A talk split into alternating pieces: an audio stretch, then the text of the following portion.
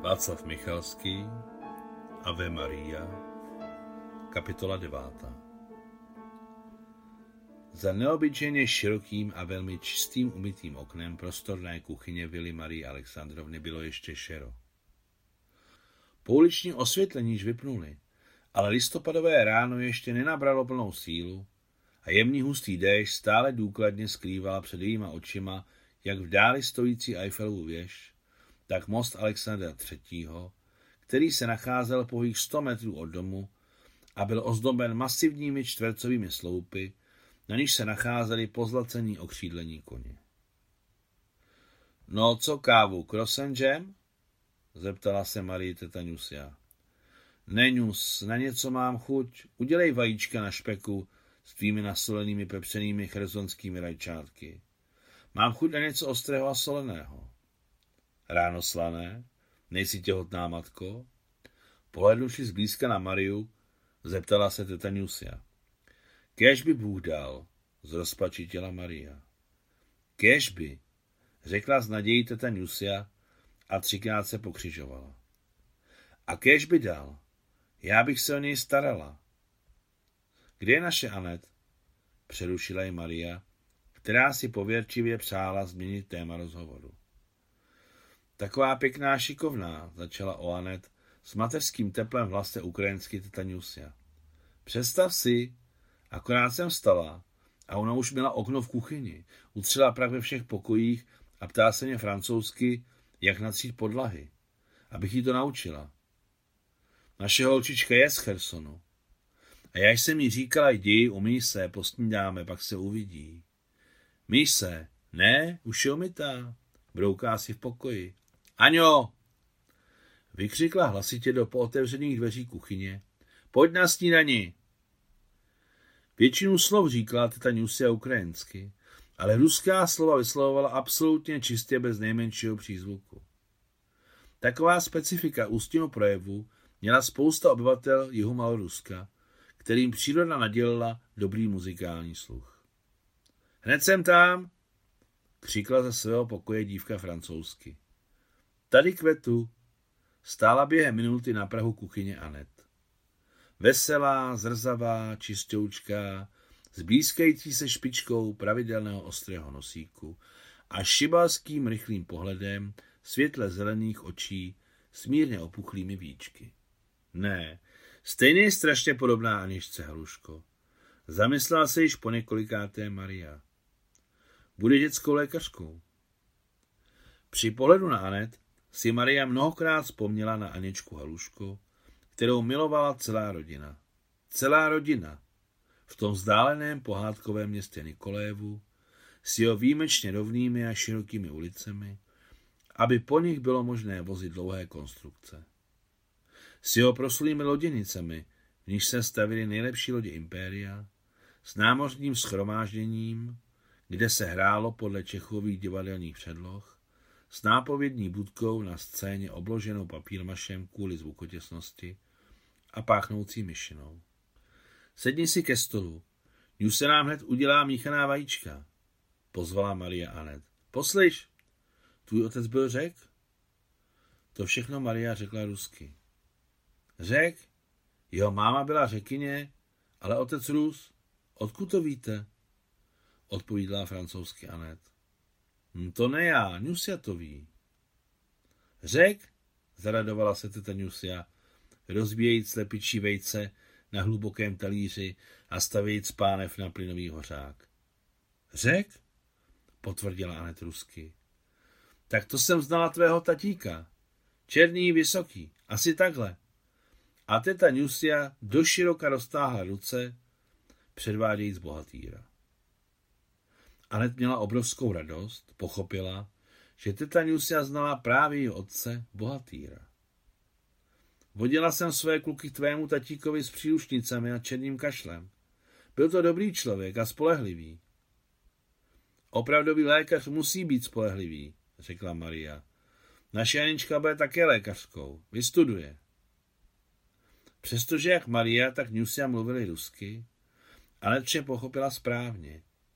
Její šibalská tvář najednou vypadala zamyšleně a řekla uvážlivě francouzsky. Svět je malý.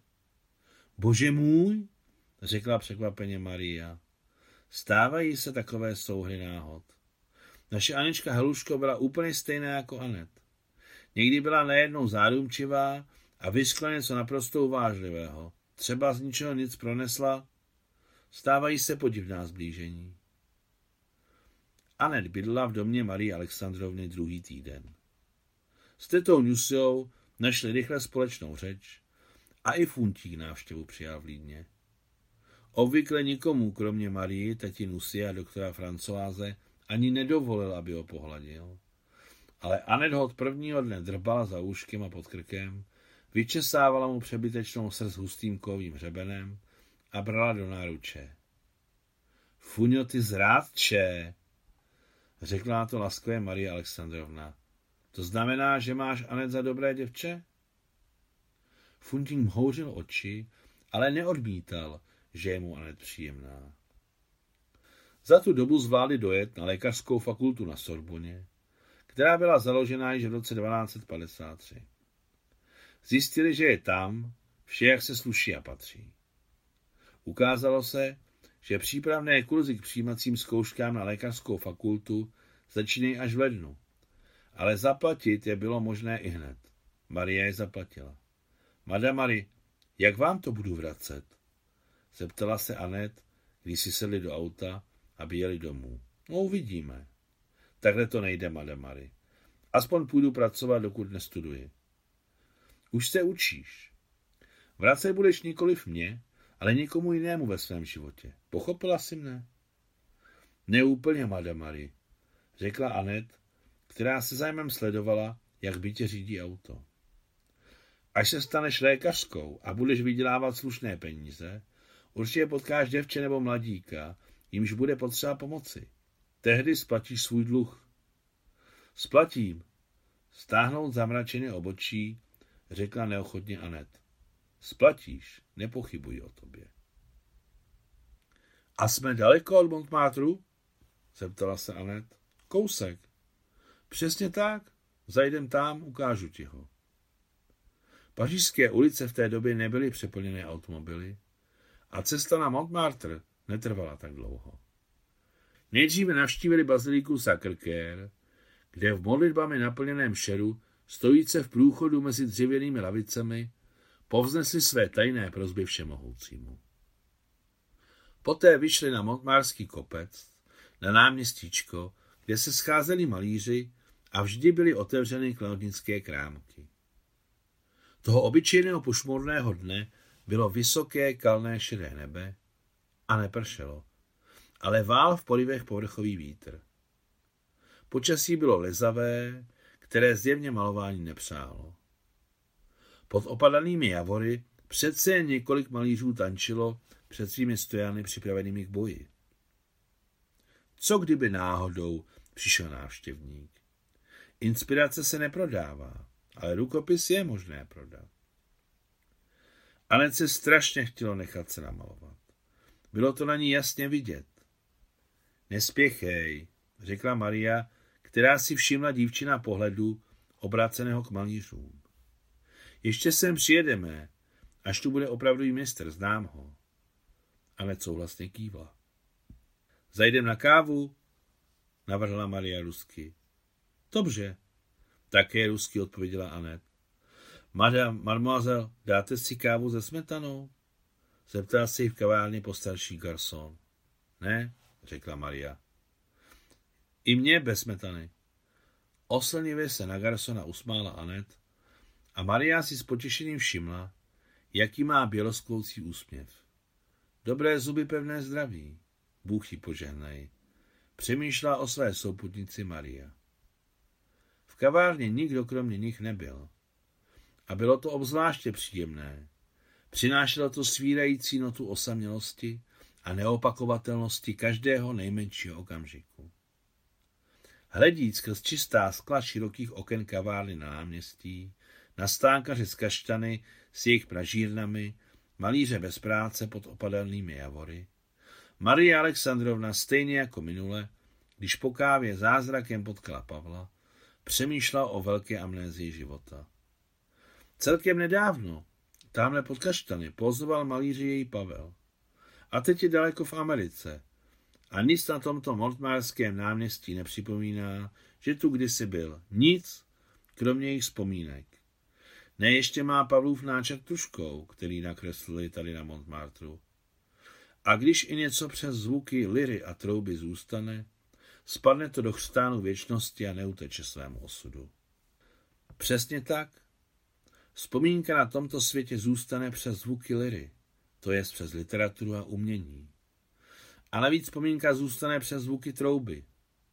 Myslí se tím trouba, která vyzývá k boji na smrt, čili zůstane vzpomínka na války. Smutné, ale je to právě tak. Ale pojď, dáme si ještě kávu s moučníkem, řekla Maria, hrozně moc chci moučník. Garson byl spokojený s novou objednávkou a řekl, že jako moučník právě upekli skvělý ékler.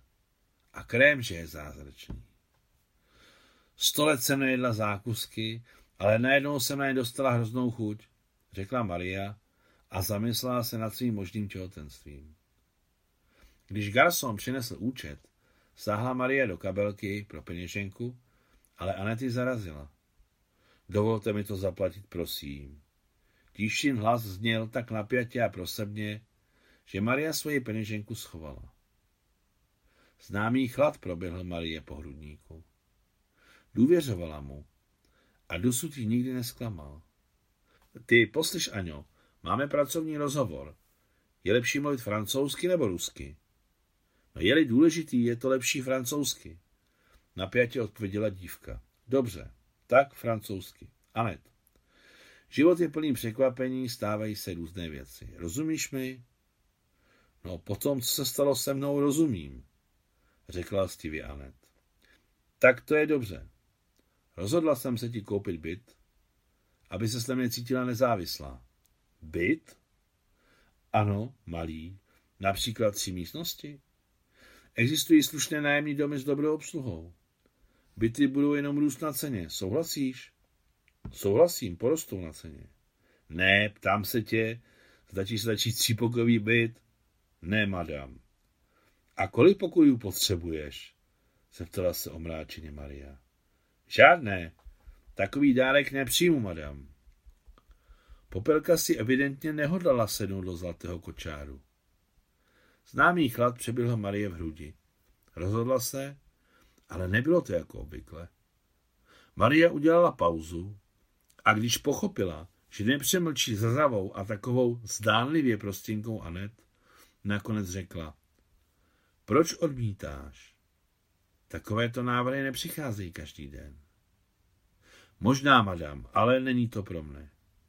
Stejně mi to objasni, pokud můžeš. Poprosila velmi měkce Maria. Nabídla jsem ti to přece z čistého srdce. Věřím vám, madam Marie, ale prakticky mě neznáte. Třeba zítra všechno zahodím a odjedu do Marseille. O, znova, znova, znova, celá přímá řeč. Teď!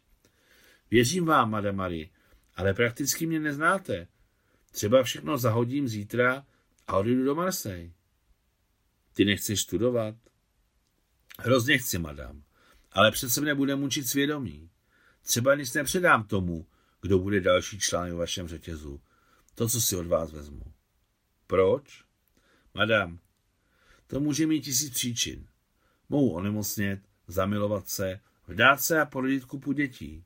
Hrozně chci spoustu dětí. Kdo by nechtěl? Pronesla sotva slyšitelně Maria. Dobrá, chápu tě, necháme to teď být, počkáme rok a pak, jak přijde karta. Tomu rozumím, prozářila se Anet. Konec deváté kapitoly.